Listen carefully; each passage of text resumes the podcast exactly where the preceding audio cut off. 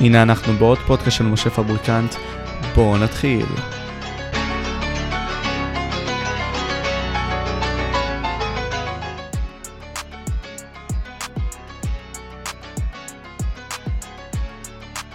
בקיצור, אנחנו פה נמצאים עם האחד והיחיד, הבחור מטרונופול אוקראינה, אשר עלה ב-1990 לישראל, הגיע לכאן עם טאפצ'קי, חזיר מחמד, בדיחות בידיים וחוכמת חיים. הנה כאן גיורא זינגר אחי. ומה זה שם אני רואה ברקע שלך? בוא נסתכל על זה. Live life like a movie star. כאילו, כן. אנחנו הגיבור בסרט שלנו אחי? ישר, שאלה ראשונה פילוסופיה. אה, כן, אני מאמין שכן. מה זאת אומרת? ברור, אנחנו קובעים מה קורה. אה, נשמע לי לחלוטין. למה אתה חושב ככה? כאילו, תשמע, אני אגיד לך את האמת, יש הרבה מאוד אנשים שיסתכלו על החיים ויגידו כזה, אתה יודע, כיף לי הנאות החיים, אחי, כיף לי fucking לצאת למסיבות, אתה יודע, לנסוע לאוסטריה, אחי, אם כבר מדברים. אתה יודע, כיף לי לעשות את הדברים האלה, כיף לי לראות את העולם, לא בא לי להתעסק בכל ה shit הזה של להצליח יותר מדי, או ללכת רחוק, אחי, להיות כוכב. אני בן אדם פשוט. למה לי ללכת להיות כוכב, אחי? או, או הכוכב בסיפור שלי. live like a movie star זה לא אומר שאתה חי את החיים כמו כוכב, כמו סלב. אה, במקצוע שלי, תראה, היום יש, אנחנו חיים באיזה עידן שבו להיות סלב זה כן נהיה מקצוע, ואם אתה שואל ילד, מה הוא רוצה להיות, אז התשובה מפורסם, היא הייתה גם כשאני הייתי ילד, אבל היום היא כאילו יותר נגישה להם, כי זה באמת, אני יכול להיות ביוטיוב ואני אהיה מפורסם, אבל אתה תהיה מפורסם בזכות מה? זאת השאלה. כי כל תרבות הריאליטי הזאת היא באמת עושה אנשים שהם מפורסמים, וזה כל מה שהם, הם מפורסמים. אה, כל, ואני, שאני מופיע 18 שנה, אני מקבל פחות אייטמים גיא פינס, ממישהי שסיימה ריאליטי אתמול ונפרדה מחבר שלה. עכשיו, זה לא שאני אומר לך שזה מפריע לי, אבל זה כן, אני אומר לך, מקדש את תרבות הפרסום, שכל מה שיש בה זה פרסום. כי יש הרבה מאוד בוגרי תוכנית ריאליטי, שאם עכשיו מציעים להם כסף תמורת תוכן, אין להם את התוכן. אמת, לגמרי, זה כלומר אנחנו חיים בעידן הזה של 15 דקות של תהילה. אין לך הופעה, אין לך ספר, אין לך סרט, אין לך הרצאה, אתה רק מפורסם, זה, זה, יש בזה בעיה. עכשיו, במקצוע שלי, להיות מפורסם זה פועל יוצא מהצלחה שלך במקצוע, אוקיי? זה... אבל זה לא מה שאני מחפש, וזה גם אף פעם לא מה שחיפשתי. אפילו להפך, אני אוהב קצת, אני אוהב את, ה... את הפרטיות שלי ואת היכולת שלי לעשות מה שאני רוצה, מתי שאני רוצה.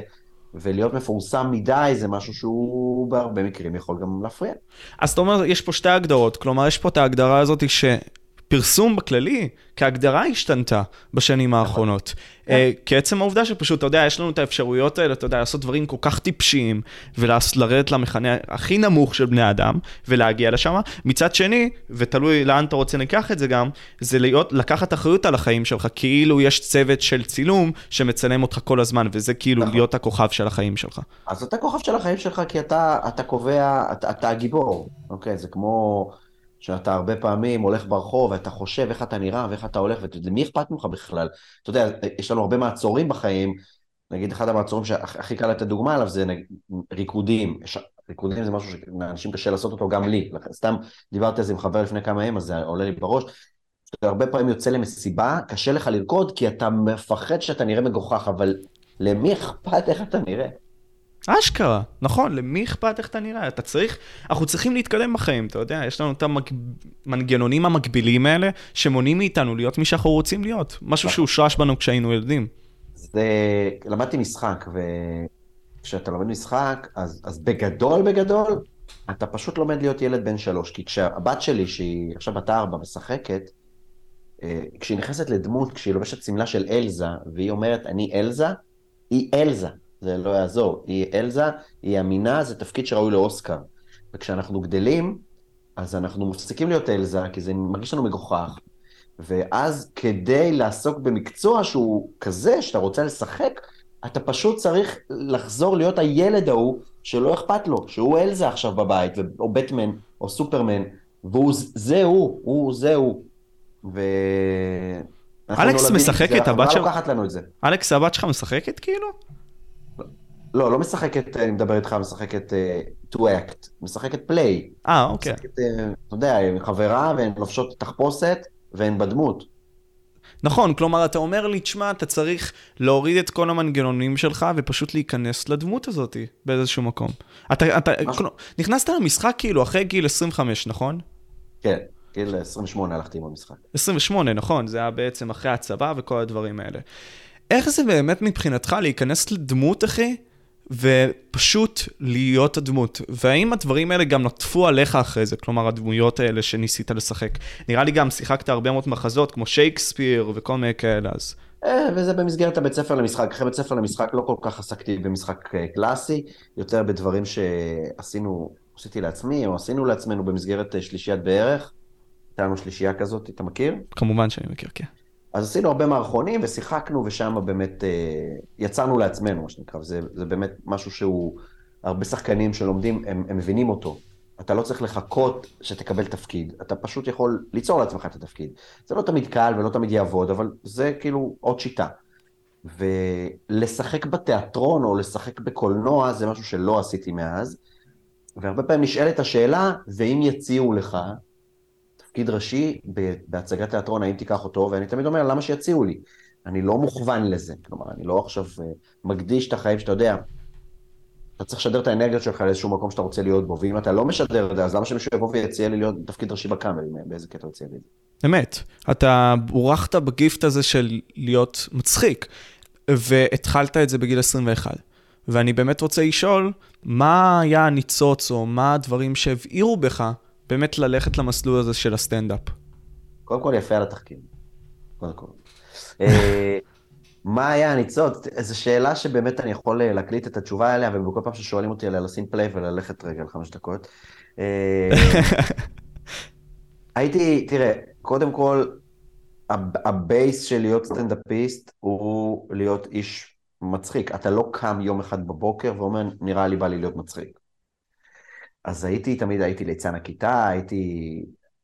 אה, הרגשתי צורך להתבטא כל הזמן, זה נבע מכל מיני אה, דברים, טראומות. כן, גם ב, נראה לי אמרת את זה באיזה שהם מקומות, שכאילו, ביל, בילדות שלך גם, אתה יודע, היית מין סוג של בודד באיזשהו מקום. אני, לא מקווה, אני מקווה שאני לא מכניס דברים לפה. אה, לא, לא, לא עניין של בודד, זה יותר חוויות ההגירה האלה של ילד שהגיע והרגיש קצת אאוטסיידר. היום בתור מבוגר אני מבין שיכול להיות שהייתי הרבה פחות אאוטסיידר ממה שהרגיש לי באותה תקופה. או, או אפילו יכול להיות שבאותה תקופה זה הרגיש לי פחות ממה שזה מרגיש היום בדיעבד כשאני מדבר על זה. כלומר, יש, יכול להיות שיש פה איזה רומנטיזציה של ה... הייתי ילד בודד, אתה יודע, כי גם זה משהו ש... אה, זה נחמד, נחמד לנו לשלוף את זה בראיונות, להגיד, אה, התגברתי על טראומות הילדות שלי. ואני גם אומר את זה עם איזושהי מודעות של, יכול להיות שטראומות הילדות שלי היו יותר קטנות ממה שאני מתאר אותן, יש פה איזשהו ערבוב של דברים. היה חוויית הגירה לא כל כך קלה, כן, ו... אבל עם זאת גם לא כל כך קשה. וכלומר, הסתדרתי, זה, החברים שלי היו חברים ישראלים, גדלתי בסביבה ישראלית, כן היו קצת קשיים חברתיים וכאלה, אבל לא... יכול להיות שאני עושה מזה יותר ממה שזה, זה מה שאני אומר. היה לי את הצורך להתבטא, זה אני בטוח, אני זוכר את זה. הייתי זורק הערות בכיתה בלי סוף כל החיים. וזה מה שאני עושה היום, אני זורק הערות בכיתה, רק שיש לי מיקרופון ותאורה, ועכשיו מקשיבים לי. ועכשיו מקשיבים לך, אחי, וזה הזוי. כלומר, אז אוקיי, אתה אומר לי, אז מה באמת הניצוץ הזה היה? כאילו, לא, לא ענית על זה. לא, אז, אז ללכת לסטנדאפ זה משהו שהוא אה, נוצר כתוצאה מאיזה... חברים בצבא אמרו לי, זה היה בדיוק, התגייסתי קצת לפני, והיה האקדמיה לצחוק, אני לא יודע אם אתה זוכר תוכנית כזאת, זה היה ממש מזמן, ושאלו אותי למה לא הלכתי. אז אמרתי, לא יודע, אני מצחיק אתכם פה כאילו במשרד של הצבא, לא... ואז התחלתי לכתוב סטנדאפ למגירה, ואז איזה חבר גרר אותי לערב סטנדאפ. הוא אמר לי, רוצה לבוא? אמרתי לו, אתה מופיע? אמר לי, אני מופיע. אמרתי לו, יאללה, נו, בוא נלך לבמה פתוחה. באתי, היה כיף. באתי שוב. והיה לא כיף בפעם השנייה, זה אני זוכר. היה גרוע. ואמרתי, אבל למה היה גרוע? פעם קודמת היה טוב, אז באתי עוד פעם. ומשם הכל היסטוריה. זה היה הניצוץ. הניצוץ הוא, זה לא היה חלום ילדות שלי להיות סטנדאפיסט, זה נהיה חלום שלי כשהתחלתי לעשות את זה. וגם שם, הרצון להתפרנס מזה ורק מזה, לקח לי זמן להגיד אותו בקול רם לעצמי. אמת, ובאיזשהו מקום זה מתבטא בכך שכמובן, אתה יודע, יש את צה"ל, יש את השירות שלך גם אחרי זה, יש לך גם את העניין הזה שהיית בהייטק, היית עובד בבנק וכל מיני כאלה, כאילו, עדיין זה המשהו שלא היה בפריוריטיזציה הראשונה שלך. וכמה נכון. זה לקח ממך בשביל להגיע למקום הזה שסטנדאפ זה מקום ראשון בשבילך, גם מבחינה מחשבתית, אה, שזה סופר חשוב לדעתי, וגם מבחינת ההבנה הזאת שאתה יודע, כסף, כסף מספיק לי. לקח לי עשר שנים להפוך את זה למקצוע הראשי שלי. הלכתי ללמוד משחק שבע שנים אחרי שהתחלתי להיות סטנדאפיסט. אה, כאילו התחלתי תוך כדי צבא, התחלתי בגיל 21 והייתי בצבא עד גיל 25, עשיתי קבע. ו... ואז תוך כדי המשחק זה כבר, שם זה כבר סלל את עצמו.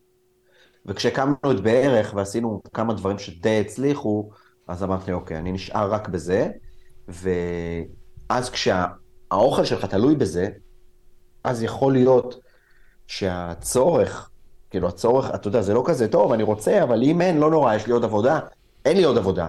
ואז אתה מתחיל להתאבד על זה, ואז יכול להיות שזה, זה לא שיותר קל להצליח ככה, אבל יש יותר דחיפות להצליח. עכשיו, אני לא ממליץ לאף אחד שרואה את זה, להחליט שמחר הוא נהיה זמר ולעזוב את העבודה שלו. כי כשאני עשיתי את זה, אני הרגשתי שאני כבר מוכן. כבר יש לי מוצר, כבר יש לי מה לתת, ועכשיו אני רק צריך באמת אה, לשווק את זה, לעבוד בלהיות מוכר. שיבואו, שמישהו בכלל ירצה לקנות כרטיס ולראות אותי.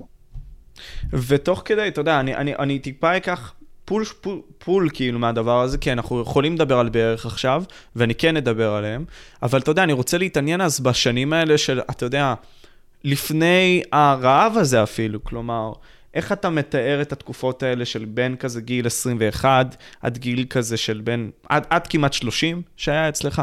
איך אתה מתאר את השנים האלה מבחינת הסטנדאפ שלך, המחשבה שלך, הרעב שלך, העשייה של הדברים האלה, אה, וזהו. קודם כל זה היה משהו שמאוד מאוד אהבתי, הוא נהיה בהתחלה מאוד תחביב. וזה היה תחביב שהשקעתי בו מאוד מאוד, לא, לא הייתי מפספס הופעה. היו ימי שלישי ורביעי במות פתוחות, בקאמל ובזוהה קומדי בר, של מועדונים שקיימים עד היום, והייתי הולך, לא הייתי מפספס, לא הייתי מפספס, הייתי קם לצבא אחרי שהלכתי לישון בשתיים בלילה, זה היה הכי חשוב לי יותר מדייט עם בחורה, יותר מהכל. אבל... אה, ואז אתה לאט לאט בונה את זה, בהתחלה יש לך איזה חמש דקות, אחרי זה אתה נהיה אומן בית במועדון, זה אומר שאתה מתחיל להופיע סוף השבוע, האמת היא שזה קרה אצלי די מהר, אני חושב אחרי שנה וחצי נהייתי אומן בית במועדוני, בזוהר קומדי בר, ואז אתה כבר מופיע חמישי, שישי, שבת, ואז זה כבר תופס יותר נפח אה, בחיים שלך, ואני, בניגוד להרבה אחרים שהם באמת חלמו שתהיה להם את ההופעה, אני כל פעם חלמתי על הצעד הבא. הייתי בבמה פתוחה, רציתי להיות אומן בית. נהייתי אומן בית, רציתי להתחיל, אה, שתהיה לי אה, הופעה קצת יותר ארוכה, שאני יכול לעשות חצי-חצי עם מישהו, חצי, כזה חצי שעה כל אחד, לחמם אומנים מוכרים יותר ממני, מין דברים כאלה. כל פעם המחשבה שאני יכול למלא אולם, היכל תרבות, נראתה לי במשך הרבה מאוד שנים משהו שהוא רחוק מאוד, ו- וכרגע אני לא שם. וכשהיו שואלים אותי מה זה, הייתי אומר תמיד, עוד חמש שנים יכול להיות. אה, עד, ש, עד שזה באמת הגיע, זה לקח לזה עשור, לקח לזה עשור.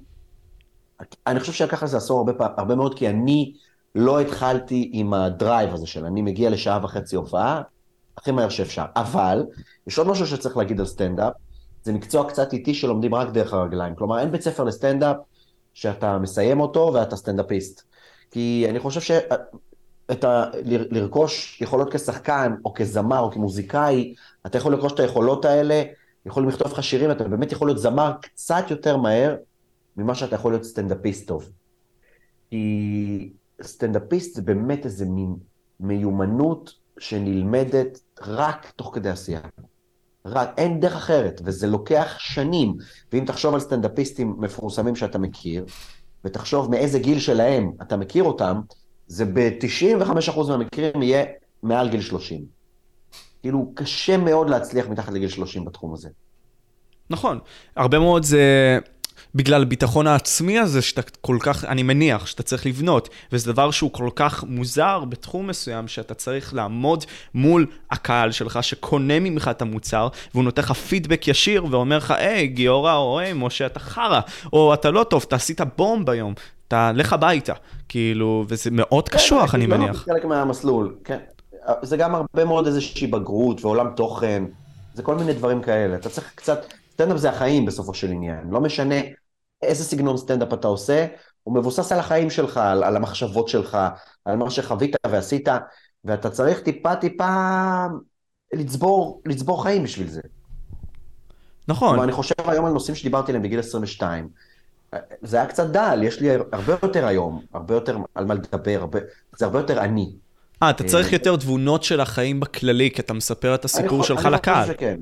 כן, אני חושב שכן. זה, זה מאוד חשוב. זה לא שאתה חייב, כולם חייבים לדבר על זה שהם, אני אבא, מאז שנהייתי אבא, ורק כשאתה נהיה אבא אתה נהיה סטנדאפיסט טוב. לא, לא בהכרח. אבל uh, אתה מתבגר עם הסטנדאפ שלך, אתה יכול לראות את זה על הרבה מאוד אומנים מוכרים היום. כמה הם השתנו לאורך ה-10-15 שנים האחרונות, כמה התבגרו, התבשלו, אתה יודע, כל מיני כאלה קלישאות. כן, ובגיל 22, מי בעצם היה גיורא זינגר אז? איזה בדיחות הוא סיפר? אתה, כשאתה מתחיל לעשות סטנדאפ, אז אתה מתחיל לעשות סטנדאפ קצת כמו שנראה לך שצריך לעשות אותו. ראית, אתה יודע, אהבתי סטנדאפיסט, אהבתי סטנדאפ בתור ילד, כאילו בתור נער. היית רואה את האמריקאים. לא, דווקא הייתי רואה את הישראלים, הייתי בקאמל, והכרתי את כל הנאור ציון והשאר מסייג וכל החבר'ה האלה כמובן. ואתה עושה סטנדאפ כמו שנראה לך שסטנדאפ צריך להיות. איזה מין תובנות של למה יש תאריך תפוגה על הקוטג' עם שעה. מה קורה לזה ב-2 ו-20, ב-2 ו-19, כתוב בתאריך תפוגה 2 ו-19, מה קורה לזה ב-2 ו-20, כאילו, מה... אתה יודע, זה כל מיני תובנות, מכירים את זה, זה נקרא תובנות מכירים את זה. וכשהתחלתי להופיע, מי שהנחה את הבמה הפתוחה זה שחר חסון, שהוא באמת פנומן, גם אז הוא היה. ואז אתה הרבה, הרבה מאוד לוקח השראה ממנו, כי אתה נמצא בתוך סביבה של במה פתוחה, והוא הסטנדאפיסט המקצוען היחידי שאתה רואה, כי כולם סביבך במה פתוחה. אז אתה מתחיל קצת לנסות להיות שחר חסון, בלי להבין שאולי זה לא סגנון שמתאים לך, או שאתה יודע לעשות אותו. ואני זוכר שהייתה באה איתי חברה טובה ומצלמת כל הופעה שלי. במצלמה דיגיטלית, לא היה אז uh, סמארטפונים. כל הופעה, הייתי עולה לחמש דקות, הייתה מצלמת אותם והייתי רואה, ואני זוכר ששחר בא ואמר לה, מה שאת מצלמת זה לא רלוונטי, אז היא אמרה לו למה? אז הוא אמר לה, ייקח לו עוד ארבע, חמש שנים להבין מי הוא. ובאותו רגע לא הבנתי את זה. אבל היום בדיעבד אני מבין לגמרי. למה הוא התכוון? כי הסטנדאפ שלי היום הוא לא הסטנדאפ שלי אז, היום אני פחות במכירים את זה, ויותר באיזה מין סיפור חיים אישי. והסיפור החיים האישי הזה מתבטא בבדיחות שלך, אתה יודע, לדעתי, כן? והבדיחות כן. על ה... יותר ה... כל מה שקשור לרוסים ככלל. נכון. אז מעניין אותי לראות ולהבין גם איך באמת הבאת את זה לסטנדאפ שלך ומתי התחלת, להבין שוואלה, בוא נצחק על כל הילדות שלי, בוא נצחק גם על החוויות האישיות שלי עם החברים והעולם בכללי. נכון, זה טיפול פסיכולוגי שמשלמים לי עליו בגדול. פסיכולוגי. אלה התמודדויות שלי עם גיורא הילד, שמאוד לא רצה להיות רוסי, והיום כשאני מבוגר, אז אני מאוד כן רוצה, אני לא רוצה להיות רוסי, אבל אני מאוד כן רוצה לשמר את השורשים האלה. כלומר, ממש לא דחוף לי להעלים אותם, אפילו להפך. אמ, קראתי גם לבת שלי אלכס, כי באיזשהו מקום זה שומר על השורשים, זה שם שמקובל לתת היום בישראל לבנות, והוא, שמחתי שזה מתאפשר בכל הדרכים. לא הייתי קורא לבן שלי ולד, כן? כי לא צריך לעשות לו בכוונה, אבל בשנים הראשונות אני זוכר שהיה לי מאוד קשה לעשות על זה בדיחות, היה לי מאוד קשה לעשות מבטא על הבמה. לאט לאט התחלתי, ומה שקרה אחרי כמעט עשור באמת, זה ששחררתי לרשת איזה קטע סטנדאפ על רוסים, מתוך איזושהי מחשבה שאוקיי, אני היח... הראשון שיעשה את זה בגוף ראשון. כלומר, יש, היו בדיחות על רוסים בסטנדאפ הישראלי, רגע, אבל אוקיי, היו בדיחות שצוחקות לא על הרוסים, ולא צוחקות בתור רוסים. ובעצם עשיתי מה שעשו סטנדאפיסטים אה, מרוקאים. היו הרבה, היו יעקב כהן ושלום אסייג, שהם הביאו את המרוקאיות לקדמת הבמה בגוף ראשון. ואולי אפילו לא במודע, חשבתי שיש לזה מקום בתור אה, אה, רוס, ישראלי-רוסי. וכששחררתי את הקטע הזה, הוא הצליח מאוד, מאוד מאוד. ואז הייתה הבנה שזה גם מאוד עני, וגם יש לזה הרבה קהל. אנשים כמוני, דור אחד וחצי, שרוצים שמישהו ידבר איתם על זה, על האמונות התפלות והמנהגים והאוכל והטאפצ'קי וכל הדברים האלה שחווינו בבית. וכשראיתי את כמות הפוטנציאל, בוא נגיד, לא רק הפוטנציאל החומר, אלא גם הפוטנציאל העסקי, הבנתי שזה חייב להיות הנושא עכשיו.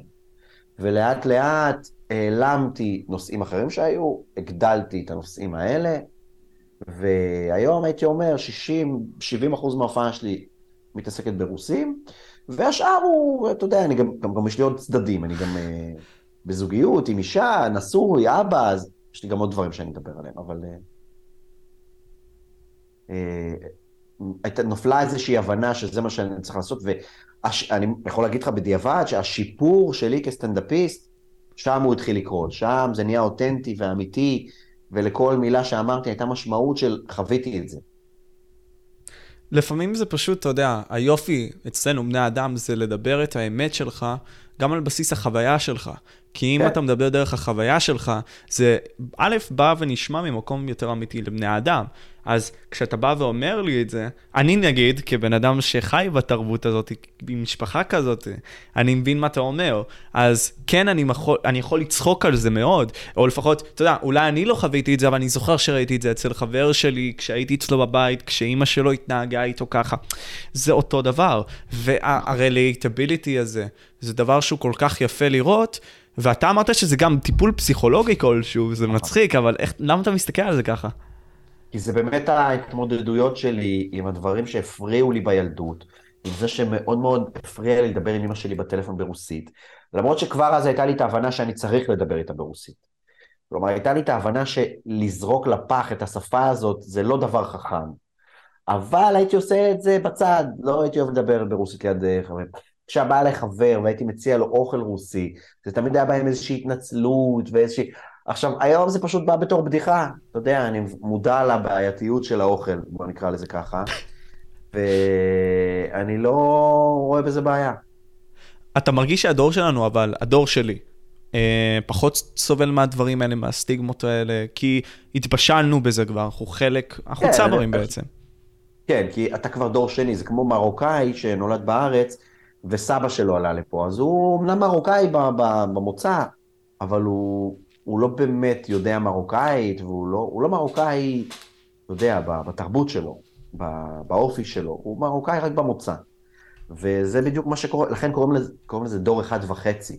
כי אנחנו לא דור שני פה, אנחנו נולדנו שם. אבל כמו שאפשר לראות עליי ולשמוע עליי, אני מאוד ישראלי בצורת התנסחות שלי, אני חושב בעברית, אני שומע מוזיקה ישראלית, הרבה יותר ממוזיקה רוסית, הרבה יותר, אני לא שומע מוזיקה רוסית.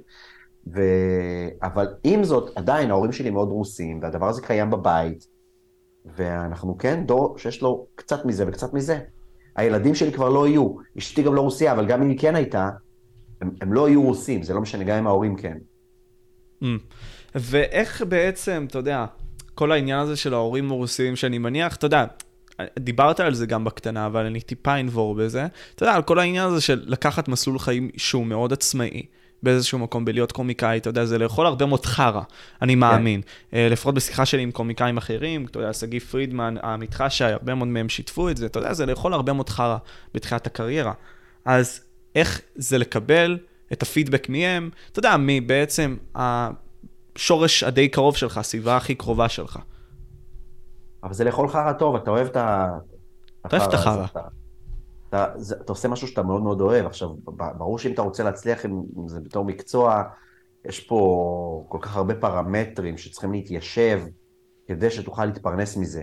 אבל גם כשזה לא המקצוע הראשי שלנו ואנחנו מרוויחים כסף בעוד עבודה, אנחנו כל כך אוהבים את זה, אף אחד לא בא לסטנדאפ מתוך זה שהוא אומר, בואנה, לסטנדאפיסטים מצליחים יש הרבה כסף. זה לא יכול להיות המניע שלך. אין לך סיכוי. מי שזה המניע שלו, שילך להייטק. הרבה יותר קל להיות מתכנת טוב. אתה היית שם. נכון. ואתה שונא את זה. עזבתי משכורת טובה, עזבתי משכורת מאוד טובה, כי הדרייב שלי היה כל כך הרבה יותר חזק מהמשכורת. שזה פשוט גם, אחרי זה אמרת גם נראה לי שאתה לא סובל את זה יותר. אני מקום. לא כל כך אוהב בכלל עבודה משרד, במסגרת 9 to 5 כזאתי.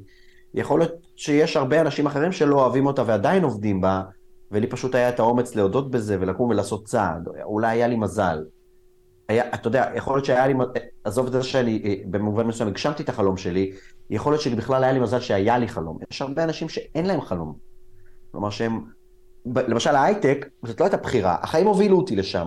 הייתי במגמת מחשבים בתיכון, ואז הלכתי לי"ג, וזה הכל כזה, הובלתי לשם, לא סירבתי לזה פשוט, בוא נגיד ככה. לא בחרתי את זה, אלא פשוט לא סירבתי לזה. ו... ואז גם מהצבא הגעתי להייטק, בצבא הייתי מתכנת, ואז הגעתי להייטק, כי בצבא הייתי מתכנת, וזה מקצוע מבוקש, והייתי יכול להישאר בזה, והייתי יכול להתקדם בזה, ולהיות מנהל פיתוח, ולהיות product manager, ולהיות דברים מאוד טובים, עם עבודה שמאוד נחשבת, ו... ולא הייתי מרוצה, כנראה שלא הייתי מרוצה. אני ו... חושב שזה עניין של, אתה יודע, זה לא שאין לאנשים חלום, אני מאמין שפשוט, אתה יודע, הרבה מאוד אנשים מעדיפים שהחיים יבחרו בשבילם מה הם רוצים להיות, מאשר שהם יבחרו מי הם. כן, ויכול להיות שהבחירות האלה, הן הרבה פעמים בחירות אחלה, כאילו, היו איתי בצבא הרבה מאוד אנשים, הייתי בחירת מחשבים, אז כולם היו מתכנתים, כולם היו כמעט עובדים בהייטק, והיו איתי בצבא הרבה מאוד אנשים שהם לא חלמו להיות הייטקיסטים, הם פשוט התקבלו לזה בצבא, זה מקצוע טוב, אתה לא מוותר עליו, אתה הולך, ואז יש לך עבודה טובה, ואתה אומר, סך הכל טוב לי בזה. כלומר, החיים בחרו את זה בשבילי, וזה טוב לי, ויאללה, אני בזה, אחלה, אין תלונות. תגיד, מבחינת הסטנדאפ עצמו, אנחנו רואים, אתה יודע, אתה היית אמנם בארצות הברית ובקנדה לפני כמה זמן, באיזשהו טור שלך שמה.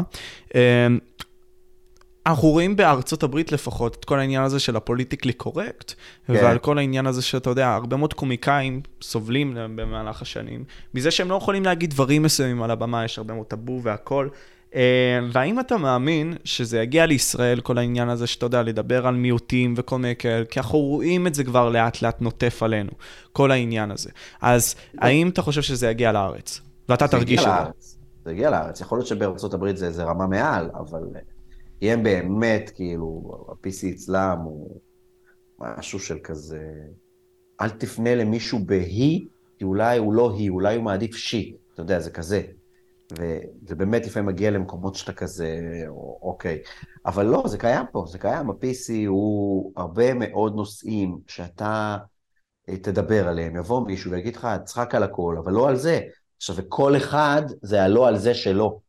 עכשיו, אם אני אקח כל נושא שאמרו לי עליו, על זה אל תצחק, לא יישאר לי על מה לצחוק. נכון. כולל על רוסים אגב.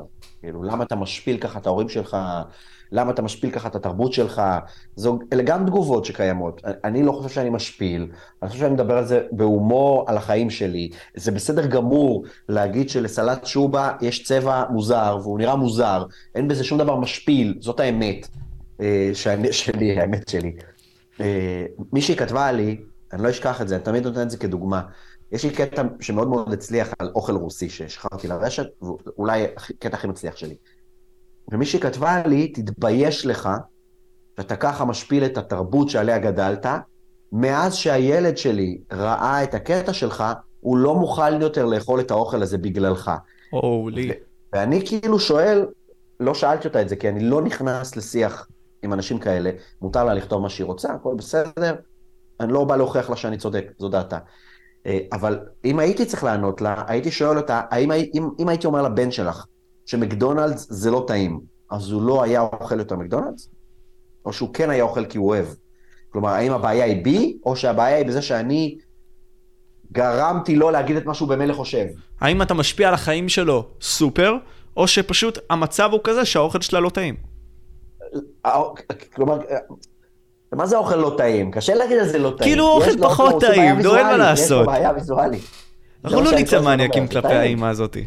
אה? אנחנו לא נצא מניאקים כלפי האימא הזאת, אבל יכול להיות שהוא פחות טעים. אבל זה מה שהיא אמרה, הבן שלי לא רוצה לאכול יותר חלדיאץ בגללך. לא, לא, זה לא בגללי, זה בגלל החלדיאץ. זה שאני אמרתי, נתן לו אומץ להגיד לך את זה, זה אחלה. אבל אם הייתי אומר לו את זה על המבורגר, תאמיני לי שהוא היה ממשיך לאכול המבורגר. בדוק. ואתה אומר... אם הייתי בא ואומר לו, בשר זה רצח, כי אני טבעוני, הוא עדיין היה אוכל המבורגר. כי הוא אוהב את ההמבורגר, אין מה לעשות. נכון, והוא לא אוהב את החלדיאץ. אז אתה אומר לי שכן, זה הגיע לארץ, ראינו את זה גם עם שאולי לפני כמה זמן, אתה יודע, אה, שפשוט הגיבו לו בקהל על הדברים האלה. אתה נכון. חושב, אז כשאני שואל את זה, אני מתכוון שהאם זה ימנע מכם, לדעתך, בעתיד, לדבר על הנושאים הטבויים האלה, אתה יודע, לדבר על נישה מסוימת בצורה כזאת פוגענית והכול, כי, אתה יודע, זה יכול להיות שכן, יכול להיות שלא, יכול להיות, אתה יודע, זה תלוי סטנדאפיסטים. אנחנו, בניגוד לארה"ב, מדינה מאוד מאוד קטנה. בארה"ב אתה יכול שחצי מה, מהמדינה תשנא אותך, ועדיין יש לך 150 מיליון איש שלא שונאים אותך. פה, אם אתה מסתכסך עם חצי מדינה, אתה קצת בבעיה. אבל אני יכול להגיד לך שזו אחת הסיבות המרכזיות לזה שאומנים ישראלים לא מתבטאים בנושא פוליטיקה הרבה. האמת היא שזה קצת מתחיל לעלות, אבל לא מתבטאים הרבה, כי אתה אומר, האם אני רוצה להסתכסך עם חצי מדינה על, על להגיד את זה עכשיו? אתה מבין? האם זה מספיק דחוף לי, חשוב לי, לבוא להגיד למי הצבעתי? כי בישראל, בזמן האחרון, אה, דעה פוליטית נהייתה תכונת אופי. אתה ביביסט, אתה שמאלן, זה נהיה תכונת אופי, וזה אולי לא כל כך הייתי רוצה, אני ואחרים, שיחסו לי את התכונת אופי הזאת, כי פעם פוליטיקה לא הייתה משהו שמעניין אותנו, והיום הוא מעסיק את החיים שלנו הרבה יותר ממה שהרבה מאיתנו היו רוצים. כלומר, לא היינו רוצים כל כך הרבה להתעסק בזה. אבל זה כל הזמן ברשתות החברתיות וכל הזמן בחדשות, ואתה כל הזמן אומר, רגע, אם אני אגיד משהו, אני אגיד את דעתי על הרפורמה המשפטית, אני אסתכסך עם כל כך הרבה אנשים, אני רוצה את זה, אני צריך את זה, אני, זה חשוב לי, אתה מבין? זה... ויש לך דעה, כאילו... עכשיו, זה כל העניין. שברגע שיש לך איזושהי דעה מוצקה, ואתה אומר, זה מה שאני חושב, ואף אחד לא יזיז אותי מזה, אז אולי אז תגיד. אבל אם הדעה שלך היא קצת מורכבת, זה כן טוב כי, זה רע כי, אז הרשת החברתית לא בנויה לספוג תחום אפור. אתה או ציוני או אנרכיסט, או ביביסט או שמאלן עוכר ישראל. אין איזה באמצע, אין איזה, אני חושב שלפיד עשה טוב ככה, וביבי עשה טוב ככה. אין לך יכולת להעביר את הבאמצע. אין לך יכולת. ואתה אומר, once אין לי את היכולת והשיח הוא לא מורכב מספיק ברשת החברתית, אז אולי אני בכלל לא אביע את דעתי שם, כי היא לא חד משמעית בנושא, בנושא כזה או אחר. זה משהו שהוא נורא בולט היום במדינה. אתה לא יכול גם להצביע ביבי וגם להתנגד למהלך מסוים של ביבי. גם להצביע בנט וגם... להת... אתה, אתה לא יכול, הצבעת ביבי, כל מה שביבי עושה הוא קדוש. הצבעת לפיד, כל מה שלפיד עושה הוא קדוש. וזה קשה, כי האדם הוא לא תמיד אה, שחור ולבן. מותר לך גם לאהוב מישהו וגם לא לאהוב חלק מהדברים שלו. לכן אגב, גם מפריע לי מאוד שאנשים אומרים לאומנים, פה איבדת אותי. למה פה איבדתי אותך? כי אסור שתסכים איתי רק ב-95% מהדברים. למה אני צריך לאבד אותך במילה שאמרתי שלא הסכמת איתה, אתה מבין? כאילו, הקהל נותן לך, אני אוהב אותך עדיין, עדיין, עדיין, אז נפסלת. זה מטופש. המערכות עצמן כש... כשלעצמן היום פועלות ככה שזה יהיה שחור ולבן, אלגוריתמים, אתה יודע, זה עדיף לך להיות למח... אה, כן. שתהיה במחנה השמאל או הימין, כי אז יקדם אותך הרבה יותר. כי אם אתה יודע גם לעצבן אנשים, אז בכלל. אני מאמין אישית שאני מסכים איתך, וזה למה, אתה יודע, התוכן הארוך הזה הוא מאוד מצוין, כי הוא גורם לאנשים לשמוע אותך עד הסוף, אבל אי אפשר לעשות את זה, זה לא באמת עובד ככה. כי נכון. אם אני עכשיו אלך לטיק טוק, או אלך לחלופין, אתה יודע, לקטע סטנדאפ שלך, יכול להיות שהוא הרבה יותר אפילו יתפוצץ, מאשר לא יודע מה, כל הקטע סטנדאפ שלך שעשית לפני כן, לא יודע, whatever, כי זה ככה, אין מה לעשות, ככה זה מתפרץ. עכשיו, תגיד לי, נגיד, בנושאים האלה, בוא, בוא, אני לא יודע אם אתה תזרום איתי, אבל אני אשמח לשאול את זה. האם אתה חושב שבאמת היום אה, יש קץ לדמוקרטיה הישראלית? זה משהו שאתה פתוח לדבר עליו בכלל? אה, אני יכול להגיד לך שאני לא מספיק יודע, ולא מספיק מתיימר לדעת. אה, זה בדיוק מה שאמרתי לך לפני כמה דקות. אני לא מספיק אה, מרגיש שאני מבין בזה כדי להביע את דעתי. עכשיו, מה שקורה זה שמי שהצביע, מי שהצביע למחנה שמעביר את החוקים, אז הוא פשוט בעד באופן גורף, וצריך להגיד איזושהי אמת שלא מדברים עליה. הרבה מאוד מהמצביעים של הליכוד, והרבה מאוד ממצביעי הציונות הדתית, לא ידעו את פרטי הרפורמה המשפטית. אני מהמר, רוב האנשים לא הצביעו כי הם אמרו, בואנה, אני קראתי כבר את פרטי הרפורמה המשפטית לפני הבחירות, ולכן אני רוצה להצביע לזה. הרבה מאוד מאיתנו, האנשים הפשוטים, אני, אני איש פשוט בדיוק כמו כולם, לא מבינים את זה. אנחנו לא מספיק מבינים את זה. עכשיו, יש אנשים שזה מספיק מעניין אותם כדי להבין יותר. ואז, אה, אבל השיח הוא הרבה פעמים מאוד מאוד רדוד, והוא משתמש בדוגמאות לא רלוונטיות, או בדוגמאות מאוד מאוד אה, שטחיות ובסיסיות, ואני משתדל להיות קצת פחות שחור ולבן מזה, ולכן אני מרגיש שאני לא בשל לנהל איזה דיון, כי אין לי מספיק מידע. Mm.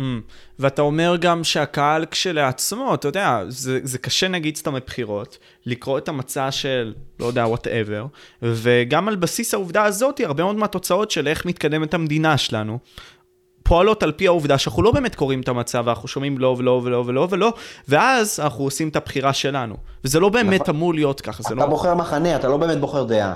אם אני בעד ביבי, כל מי שביבי עושה טוב לי. ו... ו... אולי לפעמים זה לא ככה, אולי רק 90% ממה שהוא עושה זה דברים שאתה מסכים איתם. אולי, אה, אתה יודע, בכלל יש פה איזה קונטרסט מאוד מאוד גדול שעליו לא מדברים. ביבי הוא מאוד מאוד אה, ליברל, הוא אה, ימני כלכלי, אוקיי? ימין כלכלי, הוא קפיטליסט. אה, ש"ס ויהדות התורה הן מפלגות שמאל כלכלי, סוציאליסטיות. זה לא בהכרח הולך ביחד, אבל איכשהו בישראל זה הולך ביחד, וזה ימין על מלא. עכשיו יש פה למשל אג'נדות, אג'נדות כלכליות שבהכרח מתנגשות, בהכרח. כאילו אין על זה שיח, זה בסדר, כולם באותה דעה. אבל הם לא באותה דעה. השר אוצר שביבי היה, זה לא השר אוצר שדרעי היה צר... רוצה בשביל הציבור שלו. מבין? אז... לכן אני אומר, הדברים הם קצת יותר מורכבים, פשוט לא מדברים על זה, זה שחור ולבן וזהו, וכולם רוצים את מה שאני רוצה. פוליטיקאים מתגמשים אחד בשביל השני. כי הם צריכים להרכיב קואליציה. אבל אנחנו לא מתגמשים אחד בשביל השני, אנחנו רבים אחד עם השני. ואז אתה אומר, אולי אני מעדיף להישאר מחוץ לריב. כי, כי למה לי? למה אתה, מה אתה חושב בכללי על פוליטיקאים? בעיקר, מה זה? לא, אני לא, אני קטעתי אותך, חשבתי שעצרת. אולי אלה דברים שקיימים בעיקר ברשתות, אתה לא נפגש עם חברים שלך ומתחיל לריב איתם, כן? נכון, כי אז, אתה יודע, יש את הסרטון המפורסם הזה, ופתאום כזה זה מתסיס, כי אתה אומר לעצמך, אוקיי, בוא נשלח לחבר שלי שיבוא ויראה את הדעה הנכונה הזאת שהוא בא ואמר. אבל זה sound bite, וזה sound bite שנלקח, ומי יודע אם זה הדעה האמיתית שלו. כן. אז uh, בהרבה מאוד מהמקרים כזה מעורפל ומאוד ש...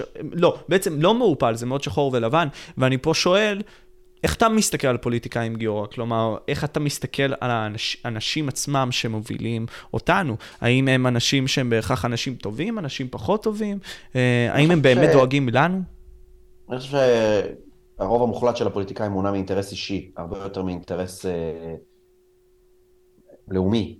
כלומר, עם כל הכבוד לזה שאומרים שהם רוצים שיהיה לי טוב, אני מאמין שהרוב הגדול של הפוליטיקאים, מכל קצוות הקשת, הם פוליטיקאים שרוצים שיהיה להם טוב. יכול להיות שהפוליטיקאים היחידים שבאמת מובילים ציבור ובאמת דואגים לו, אלה הפוליטיקאים החרדים. להם יש ציבור, והם באמת עושים חוקים שיטיבו עם הציבור שלהם, בהכרח עם הציבור שלהם. לגבי המפלגות הלא חרדיות, אני לא יכול להגיד שאני מרגיש שיש איזושהי מפלגה שאני מרגיש שהיא באמת מעוניינת בטובת המדינה יותר מבטובתה האישית. אה, וזה דבר שהוא מאוד מפריע, ולכן אני הרבה פעמים אומר, אני לא מספיק רוצה להתעסק בזה, אני לא חושב שאני מספיק מעניין אותם בתור אזרח, כדי שאני בכלל אבוא ויגן על מישהו מהם. גם אם לפיד כל הזמן שפויה, אני לא בטוח שהרצון שלו להיות ראש ממשלה זה בשביל ממשלה שפויה, יותר מהרצון שלו פשוט להיות ראש ממשלה.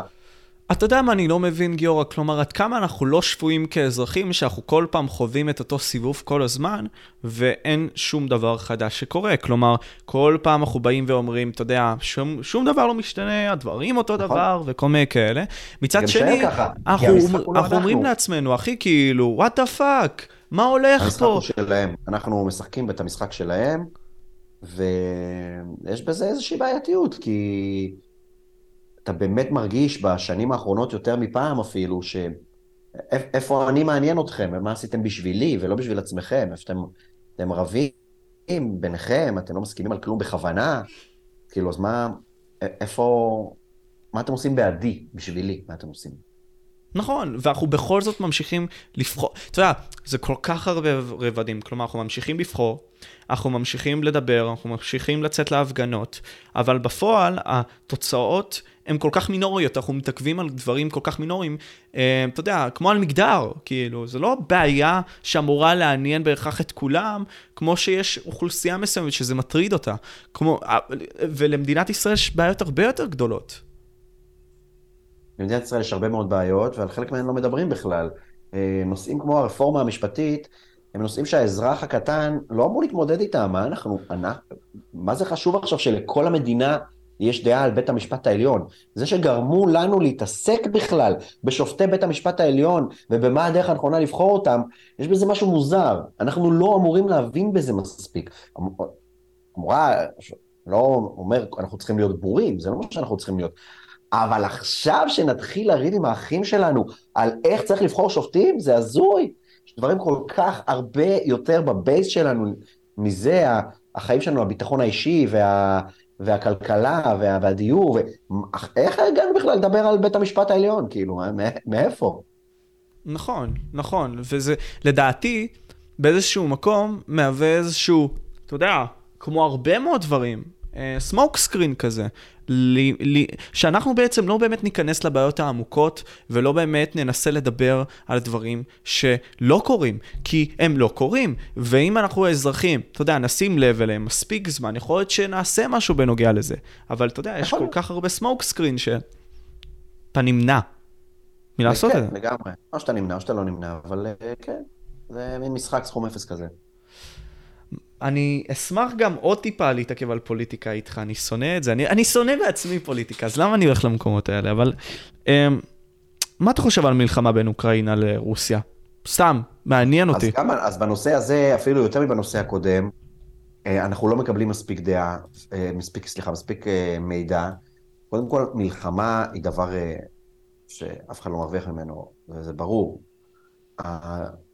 הדבר הזה הוא, הוא הזוי, באמת, הוא הזוי. זה, זה, אתה יודע, אני אומר בהופעה שלי הרבה, שאין הבדל בין רוסים ואוקראינים. עכשיו, אני כמובן מתכוון לרוסים והאוקראינים בישראל, אוקיי? אני לא חי באוקראינה כבר מעל 30 שנה. כשחייתי בה הייתי ילד, וגם האוקראינה שההורים שלי מכירים, היא אוקראינה שהייתה חלק מברית המועצות. הם לא חיו באוקראינה בתור מדינה עצמאית.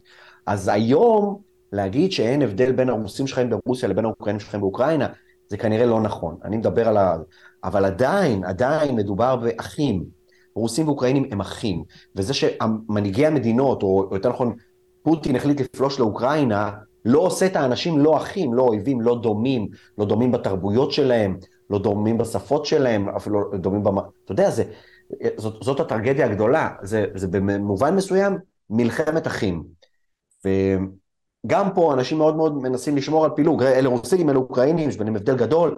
ההבדל הגדול הוא, הרוסים הם לא פוטין, פוטין הוא פוטין.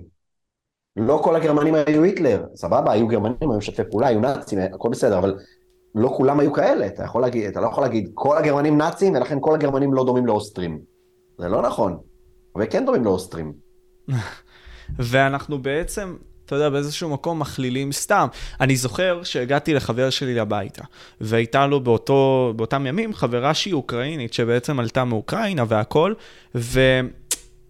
זה מאוד מטריד אותה. מאוד מסיבה שהיא מסתורית לי לחלוטין. סתם, אני מבין למה, כי היא הייתה חיה שם, וזו המציאות שהיא חוותה. והקטע הוא שאני בא לדבר בקטנה על זה, אני לא מבין בכלל על זה, והיא מנסה לשכנע אותי בזה שהצד שלה צודק.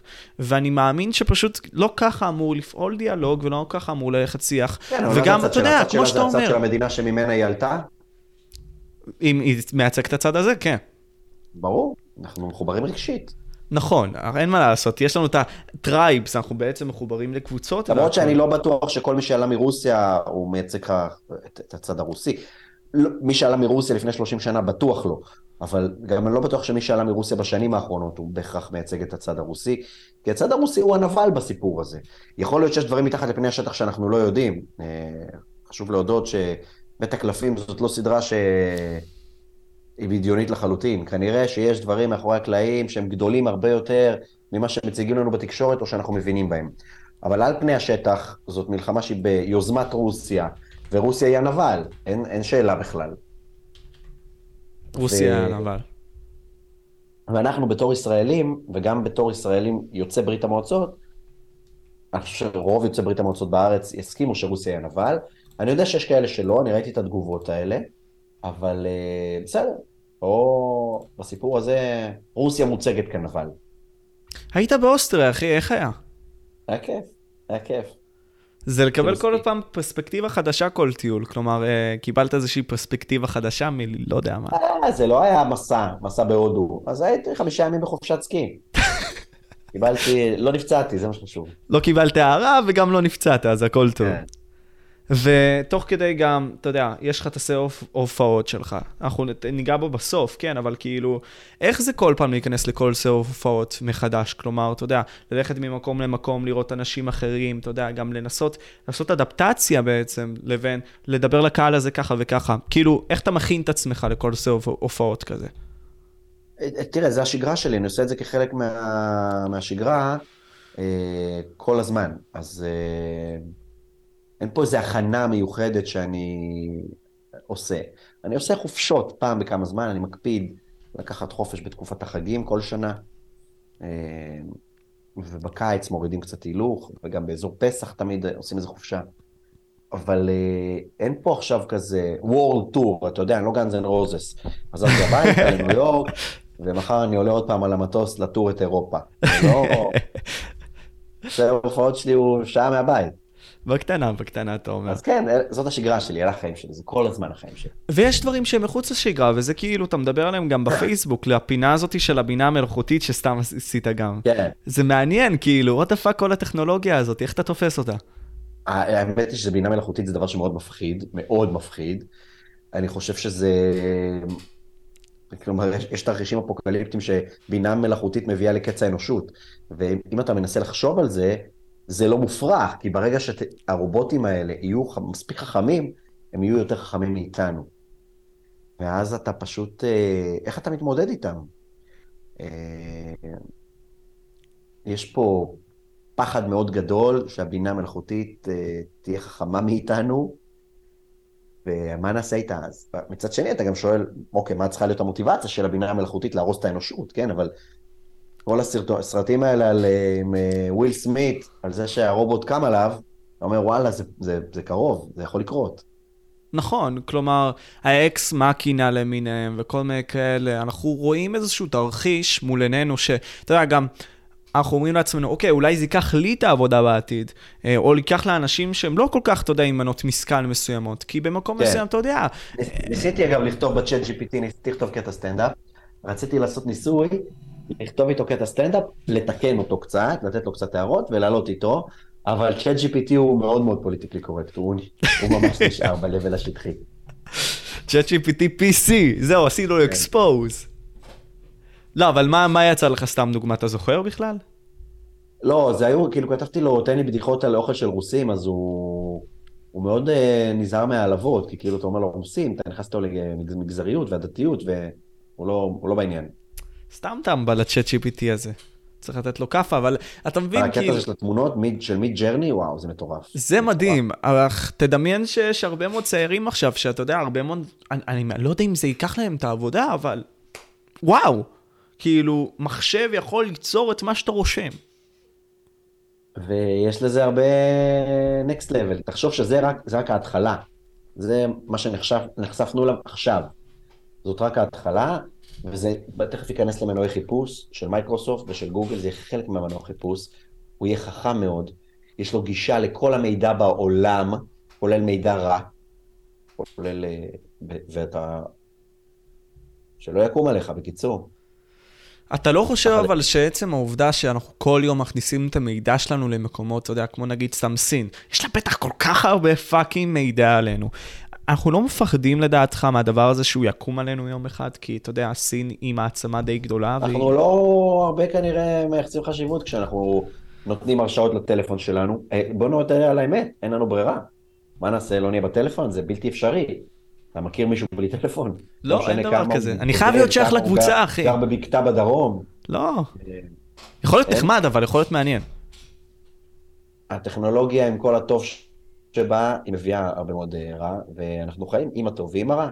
הקדמה, אה, אתה יודע, במובן מסוים, האדם הקדמון היה מאושר יותר מאיתנו. היה לו בסוף כל יום מדורה עם השבט שלו, לכן קוראים לזה מדורת השבט, והם היו מתעדכנים על דברים, ואיך עבר היום שלך, ועושים אוכל על האש, והיה להם כיף. ואנחנו היום הרבה יותר מתקדמים והרבה פחות שבטיים. ודווקא השבטיות היא מקור עושר גדול יותר מהקדמה. Mm. השבטיות, כלומר, בטבע, לא הזאת לא, לא, השבטיות לא רק בפייסבוק. בטבע. מה שגורם לאנשים אה, במדד העושר, שנבדק בהרבה מאוד אה, מקומות, קשרים חברתיים נמצאים בטופ, לא סוג הטלפון שלך. אז הכל זה פומו באיזשהו מקום, הכל זה פייק באיזשהו אז זה מקום. מה שעושה לנו הטלפון, עושה לנו הרבה מאוד פומו, אתה כל הזמן רואה מה אתה לא עושה, מה לא חווית, איפה לא היית, מה לא אכלת, אה, וזה מציג לך כמובן רק פיסות טובות מהחיים, רק את, ה, את הרגעים הטובים של אנשים אחרים, ואתה יודע, אתה מכיר את זה שאתה רואה תמונה של מישהו, ואתה אומר, יואו, איזה מקום מדהים, אני רוצה להגיע לשם, מה שאתה מגיע לשם, אז אתה אומר, אוקיי, גם אני יכול לצלם את התמונה הזאת, אבל חוץ מזה ממש משעמם פה. זה קורה, אחי, אין מה לעשות, אנחנו בני אדם. אנחנו בני אדם, זה המנגנון שלנו, אנחנו מתאקלמים לדברים. לגמרי. והטכנולוגיה, הקדמה, היא קצת לוקחת לנו את השבטיות, את ה... וזה לטוב ולרע.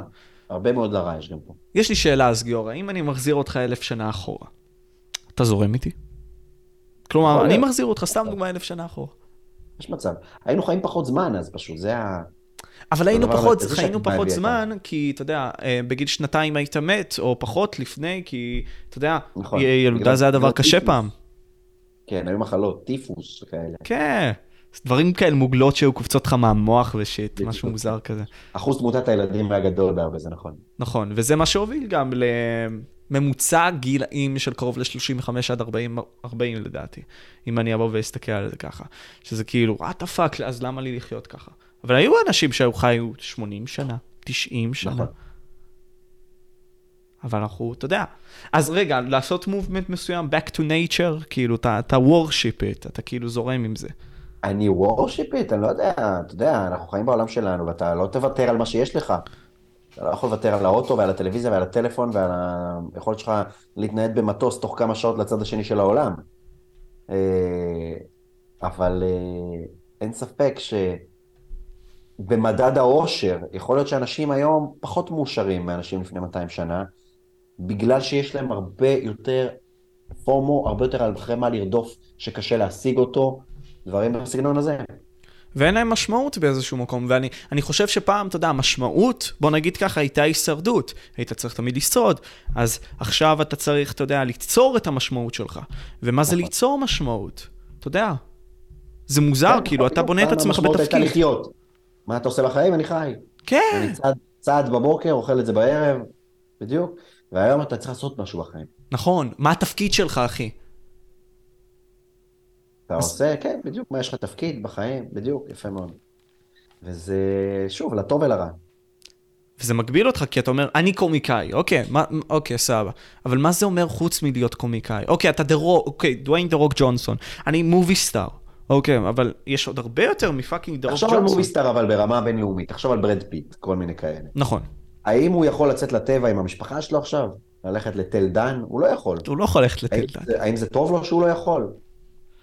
האם הוא יכול לשבת במסעדה כ- כמו בן אדם נורמלי ושלא יציקו לו? הוא לא יכול. אתה מבין? אז, אז הדבר הזה, כל ה- הסלב, ה over סלב, בסדר, זה משהו ששמור לסטנדאפיסטים אמריקאים, לכוכבים אמריקאים, כי פה הבן אדם הכי מפורסם בישראל טס לחו"ל ולא מכירים אותו, כי אנחנו מפורסמים בישראל, אתה יודע, זה, הוא מפורסם בישראל, אז הכוכבים בעולם יכולים לברוח מהכוכביות שלהם. אבל כוכבי הוליווד, הוא פשוט, אין לו חיים, הוא מסי, רונלדו, אין להם, אין להם. הם לא פשוט יכולים ללכת למקום. זה למה, אתה יודע, נראה לי, זה מגיע לעניין הזה שיש כתות. והכתות האלה, כתות של. אני מדבר על האנשים העשירים, כמו הבהמיאן גרוב למיניהם. לא יודע אם אתה מכיר, אבל לא.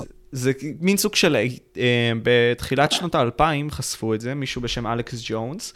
חשף בעצם מין סוג של פגישה כזאת של אנשים מאוד מצליחים מהעולם, אנשים הכי מצליחים בעולם, באים ומהללים מין סוג של נשר והם שרפו את זה. זה נמצא איפשהו. ביוטיוב. אה, אז כאילו אתה רואה, הם מרוחקים מה fucking מציאות, למה? כן. כמו שאתה אומר, אחי, שהם לא יכולים לצאת fucking לנגב fucking חומוס בחוץ, למה? כי כולם יתפסו אותם, אי אפשר. אה, הוא לא- פשוט לא יצליח לשבת שם, כן? אז אתה מרוחק מבני האדם, וזה זה לדעתי למה גם האליטות והאנשים הגדולים כאילו מרוחקים מאיתנו באיזשהו מקום. נכון, נכון. אה, זה לא בהכרח טוב, אני בטוח שכל בן אדם מאוד מפורסם היה רוצה להיות בן אדם פשוט, once in a while. אז תגיד לי, מר פשוט, איזה דברים מעניינים אותך היום, כאילו, בכללי, גיורא? איזה דברים מעניינים אותי? או השאלה מאוד כללית. אני יודע, מה אני אעשה? תכוון יותר. כלומר, תשמע, נגיד, אותי מעניין היום לחקור בני אדם. להבין בני אדם זה משהו שמאוד מעסיק אותי, אני רואה מלא הרצאות על זה. אז מה מעסיק אותך, מה מעסיק את הראש שלך רוב הזמן, לא, חוץ מקומדיה? אז אני, בתקופת הקורונה היה לי משעמם, עשיתי קורס סקיפרים, אז אני סקיפר עכשיו. Hmm, אוקיי. אז, אז התעניינתי קצת בזה. אה, אני מתקרב לגיל 40, אז איתו בא המשבר, אז אתה מתחיל לחפש כל מיני תחביבים כאלה של אקסטרים, אז באמת הייתי עכשיו בחופשת סקי, זה תחביב מהשנים האחרונות, ועברתי, אז עזבנו את תל אביב, עברנו לגור ב, במקום קטן יותר, שנקרא צורן, ואתה יודע, חיים קצת יותר אה, כפריים וכזה, אז התחלתי לרכב פה. אני לא שומע אותך. לא שומע אותך. רגע, דבר. אתה יודע, פתאום אתה מחפש תחביבים כאלה, ואני מתעניין הרבה בכלכלה לאחרונה, ומתעניין הרבה בכלכלה ברמה שאני אומר, זה בושה שלא ידעתי את כל מה ש... אונסים אותנו בתחת, אחי, ואנחנו לא יודעים את זה. לא, זה, דבר, זה, זה כאילו כל כך חשוב לדעת, כל כך חשוב לדעת, זה משפיע על החיים שלנו כל כך הרבה, ולא מלמדים אותנו את זה בשום שלב בבית ספר, וגם גורמים לזה כל הזמן להישמע כמשהו מאוד מאוד מורכב, שאתה פשוט לא רוצה להתעסק איתו. אתה מכיר את הדבר הזה שבא אליך יועץ פנסיוני לעבודה, ואתה אומר לו, אני לא מבין בזה כלום? כן, תעשה את העבודה אתה, אח שלי. ש... אני יכול להגיד לך שאין מה להבין, אבל גרמו לנו כל הזמן לגרום לך, ש... כאילו, שזה יישמע כאילו זה הכי מסובך ביקום, אל תבין כלום. נכון. תגיד כן, כן, כן להכל. ופה הם מרוויחים אלינו הכי הרבה בעצם העובדה שאנחנו בורים בקטע הזה. כן. אפשר נכון. לשלוט עלינו בקלות, אחי, אנחנו כמו בובות מריונטה כאלה. נכון. אז... אה, למה, מה התחלת להתעסק יותר? טיפש, לפעמים זה לשמור את העם. אה, מה זה טיפש? אתה יודע, זו אמירה בעייתית, אנשים לא טיפשים, אבל אה, לשמור את העם, לא מבין בהרבה תחומים, זה דבר שהוא עוזר ל... הוא עוזר, עוזר לבנקים ולממשלה, ואתה יודע, הבנק לא צריך שתבין, הוא צריך את הכסף שלך. אין לו שום עניין שתבין. אז הוא שומע אותך מספיק חכם בעצם, זה מה שאתה אומר, הוא, משפיע, הוא שומע אותך מספיק, שומע... חכם, מספיק חכם בעבודה שלך, שתעשה אותה טוב. אין שום דבר קשה בלהבין הרבה מאוד מהדברים האלה. יש פשוט, יש לנו מחסום לרצות בכלל. נכון. זה הכל. כלומר, הבית ספר גם באיזשהו מקום הוא הטריגר לזה, כי הוא גורם לנו, אתה יודע, לעשות את העבודה שלנו טוב, אבל לא לשאול את השאלות על העבודה. כלומר, מספיק טוב... למדנו לנתח שירים של ביאליק. אוקיי. עשינו בזה בגרות. ולא למדנו לדעת מה זה מדדי מניות מובילים בעולם. למה זה פחות חשוב? נכון, לגמרי. עכשיו אני אומר, לא צריך ללמוד ספרות, צריך ללמוד בורסה, אבל חייבים ללמוד גם בורסה.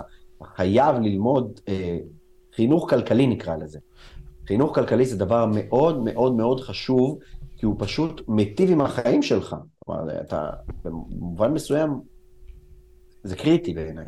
מה הניצוץ שבאמת גרם לך, אתה יודע, לחשוב את זה פתאום?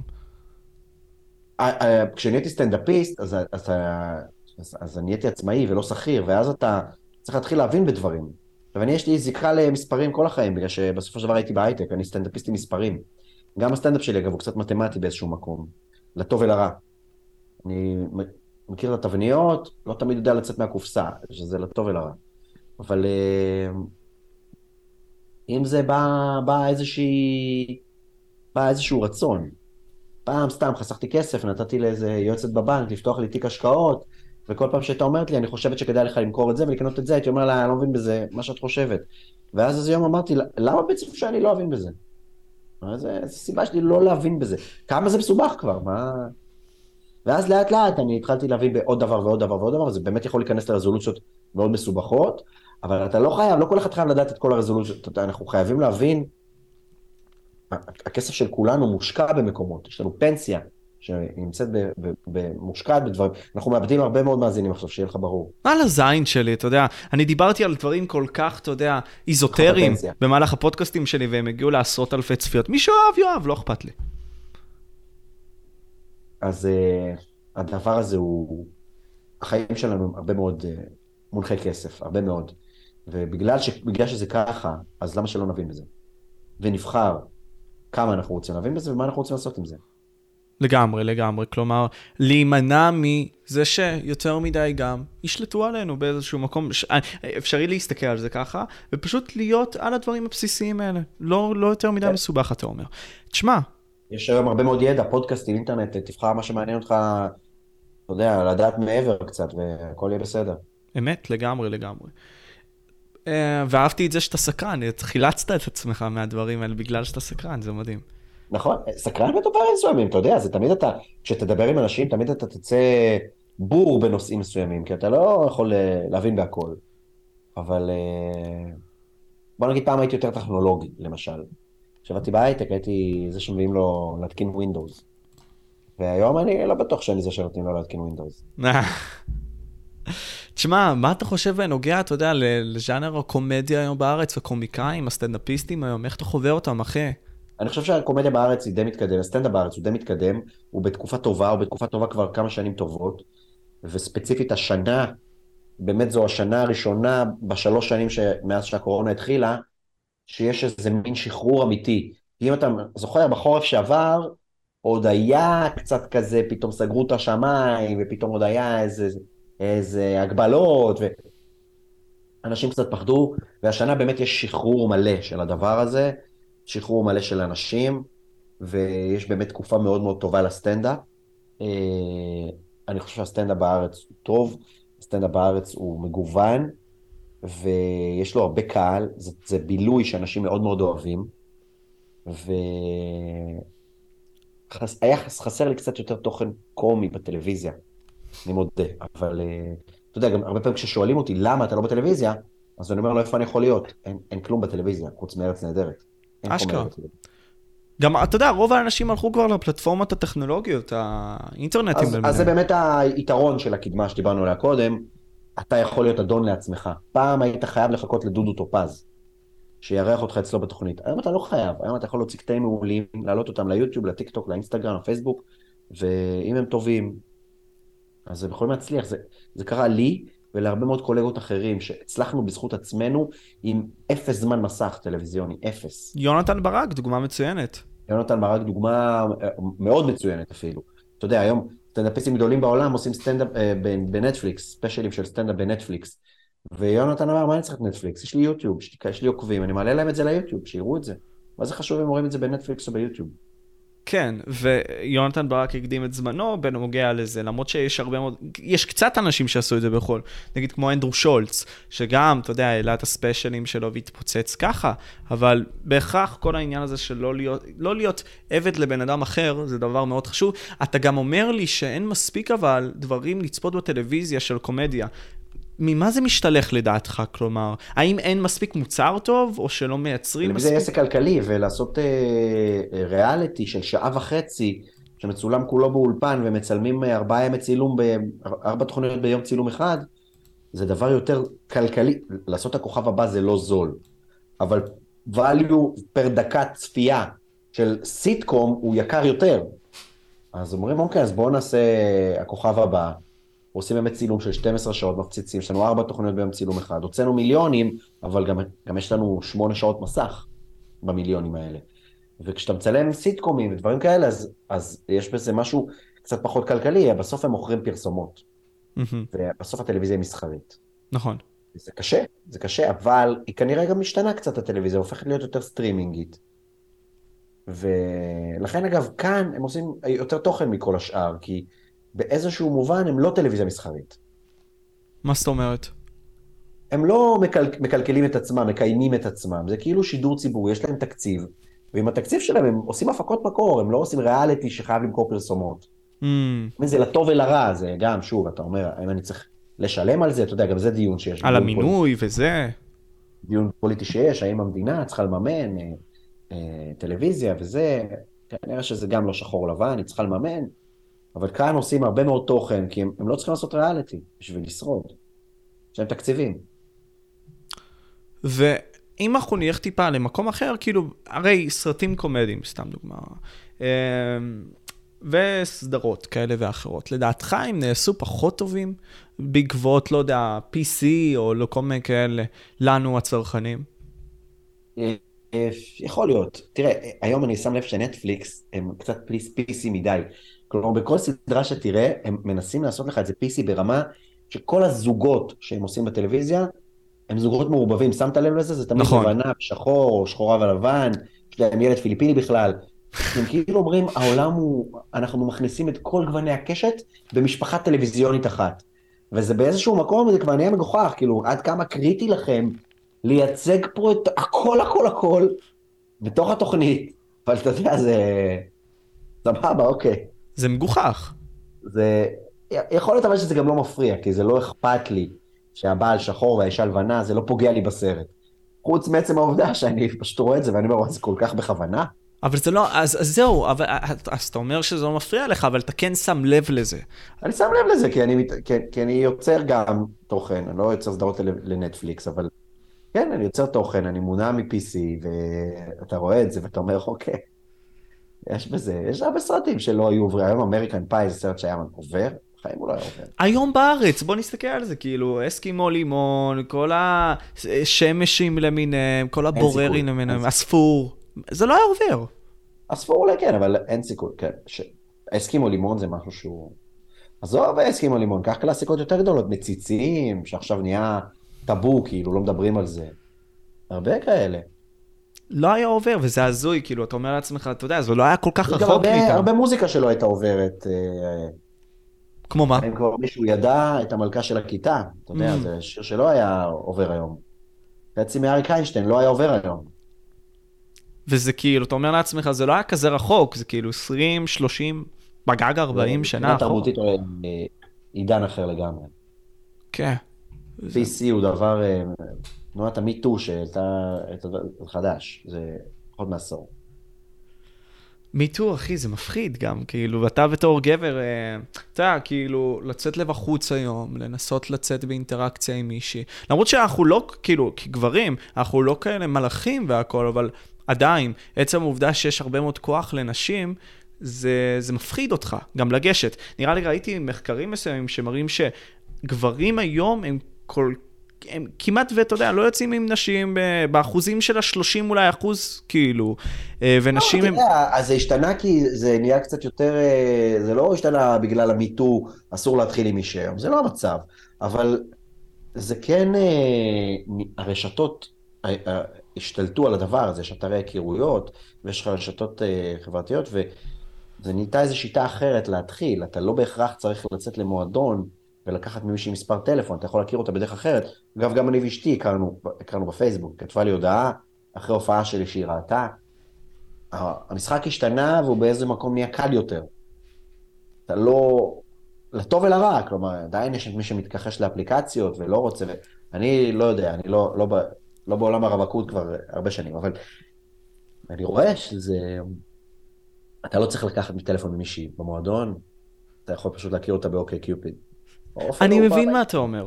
אני מתכוון גם שבפלטפורמות עצמן, בתוצאה, גברים הרבה יותר בודדים, או בלי מערכות זוגיות יותר מאשר נשים.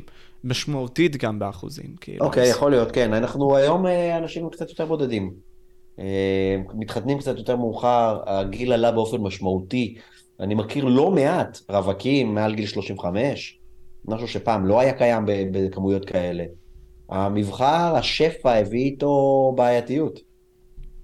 נכון. שפע, שפע הביא איתו פומו. יש לך mm. הרבה מבחר, אז אתה אומר, מה, אני אלך על זה? יש לי אבל עוד אופציות. והם לא ייגמרו אף פעם, האופציות. ובסוף, מה זה אומר, אחי? שאתה נבלע לתוך האופציות האלה ואתה לא בוחר כלום. אתה נשאר באופציות, בדיוק. אתה נשאר באופציות, לא עברת את תהליך הבחירה. נכון. וזה, זה הזוי. אבל לא תשמע... לא טעית, אתה מבין? כשלא בחרת לא טעית. הוא... נכון. לא טעית. ותשמע, בוא, בוא ניתן איזשהו משהו אה, לצופים שלנו, איזשהו מסר לאנשים הצעירים שלנו, בתור מסר אחרון כזה, אתה יודע, לגיורא הצעיר הזה עם ה тапочки. אה, סתם, אבל אתה יודע, לאנשים שרוצים באמת להגיע רחוק, או להשפיע, או להתקדם בחיים וכל מיני כאלה. אז אני אומר, אה, יש קלישאות כאילו, תחלמו, אבל תחלמו חלומות משמעותיים. אל תחלמו להיות טיק טוקר. להיות טיק טוקר זה לא מקצוע. אתם יכולים לעשות בטיק טוק ולהצליח עם משהו שהוא המקצוע שלכם, משהו שאתם אוהבים לעשות. זה יכול להיות כל דבר, יכול להיות אה, איפור, זה יכול להיות, אבל הטיקטוקריות עצמה כזה, היא לא מקצוע. והטיפ שהייתי נותן זה, תהיו שלמים עם עצמכם, תחפשו משמעות אמיתית, ואיתה, תנו לעולם משמעות, אל תיתנו להם עוקבים ולייקים. אבל מה זה אומר למצוא משמעות? כלומר, אתה יודע, אני בעצמי גם... המשמעות לא חייבת להיות, אתה לא חייב להיות גורו של כת כמו אושו. שוב אני אומר, אתה יכול אה, להתעניין מאוד מאוד, את יודעת, את יכולה להתעניין מאוד מאוד באיפור, ואת רוצה להיות מאפרת, ואת פותחת איזה ולוג איפור. אתה יודע, בכוונה אני אומר איפור, כי כאילו זה נשמע כזה, אתה יודע, מקצוע פשוט, והכל בסדר, אתה יכול לתת, אה, אה, להיות יועץ, קואוצ'ר, כל, כל מיני דברים כאלה, אבל שלדבר הזה תהיה איזושהי, שיהיה איזשהו בסיס שזה יושב עליו, ולא רק כאילו, אני רוצה עוקבים. אתה רוצה עוקבים כי מה? הבנתי אותך. מה תיתן לעוקבים שלך? אז אתה אומר לי בעצם, כמו שניטשה אומר, כאילו, אם הוא knows why can bear any how, כלומר, אתה צריך להבין מה המניע שלך, מה הלמה שלך לדבר הזה, כן. ולא לנוע ממשהו שהוא, אתה יודע, צפיות, לייקים, מספרים והכול. של מה, בדיוק, כן. כי אז ברגע שאתה ניזון מ... אני צריך 100 אלף עוקבים כדי לקמפיין, לקבל קמפיין, ואתה עושה הכל כדי להשיג 100 אלף עוקבים בדרכים לא דרכים, אז בעצם מה זה שונה מעבודה אחרת שאתה לא אוהב? כן, אבל אז יגידו לך, אתה יודע, עדיף לעשות את זה מאשר לעשות דברים אחרים, כי, אתה יודע, לפחות פה אני ארוויח יותר. בתור שעושה פודקאסט, אתה בטח אה, תסכים איתי שהפודקאסט זה עבודה. לגמרי. וגם מלא, מלא, מלא מלא צופים לפודקאסט, אתה עובד בזה, קשה. לגמרי. כלומר, אתה יודע, היו לי זמנים שהייתי צריך להוציא מלא קליפים, והקליפים האלה עזרו לי, כאילו, הגעתי באיזשהו חודש ל-600 אלף צפיות חודשיות, וזה כאילו הזוי, זה הרבה כאילו מבחינת אנשים שמאזינים לך. אה, כן. ואני אגיד לך מה, כלומר, הבעיה היא, קודם כל, הרבה מאוד אנשים לא מבינים את המניע שלהם, אה, אבל אתה יודע, אני אומר לעצמי, אני אומר לעצמי, אתה יודע, כל העניין הזה של בחירות, אה, מה אתה אוהב יותר? איך אתה מבין את זה? איך, איך כן. באמת להבין את מה אתה אוהב? איך אתה אוהב את זה? כל מיני כאלה, בשביל להגיע למה שאתה רוצה להיות. או מה שאתה חושב שאתה רוצה להיות. ברגע שאתה עושה דברים שאתה אוהב, לעשות פודקאסט זה משהו כיף, אתה מדבר עם אנשים, אתה, אתה מעלה תוכן, לתוכן יכולות להיות צפיות, אבל אם אתה לא תאהב ליצור את התוכן הזה, אתה פשוט תקוע עם המון המון עבודה קשה וסיזיפית, שאני יודע מה היא, אתה צריך לערוך קליפים, אתה צריך אה, אה, להחזיק שיחה, צריך, זה, זה יש פה מלא עבודה, ואם אתה לא אוהב אותה, אז זאת עוד עבודה שאתה לא אוהב. זו עוד עבודה שאתה לא אוהב, ובעצם, אתה יודע, מדכאת אותך, ותפגע בך בסופו של דבר. נכון. טוב, תשמע, גיורא, היה לי התענוג, אחי. החזקנו כמה זמן, אה, ומקווה, אחי, שיהיה לנו עוד דברים כאלה. אה, ותיתן בראש, אחי, זה מה שחשוב. אתה יודע, אני אוהב, אה, פתחתי את זה כשנכנסת, אחי, ואמרתי, אני אוהב אותך. אני אמשיך להגיד את זה, אני מעריך אותך ואוהב, אחי. ותן בראש, אחי, במה שתעשה. תודה רבה. יאללה, תמשיך לצחוק, תצחקו בחיים. תצחקו בחיים. חבר'ה, יאללה, סיימנו פה. אני משה פבריקנט, גיורא זינגר. ביי.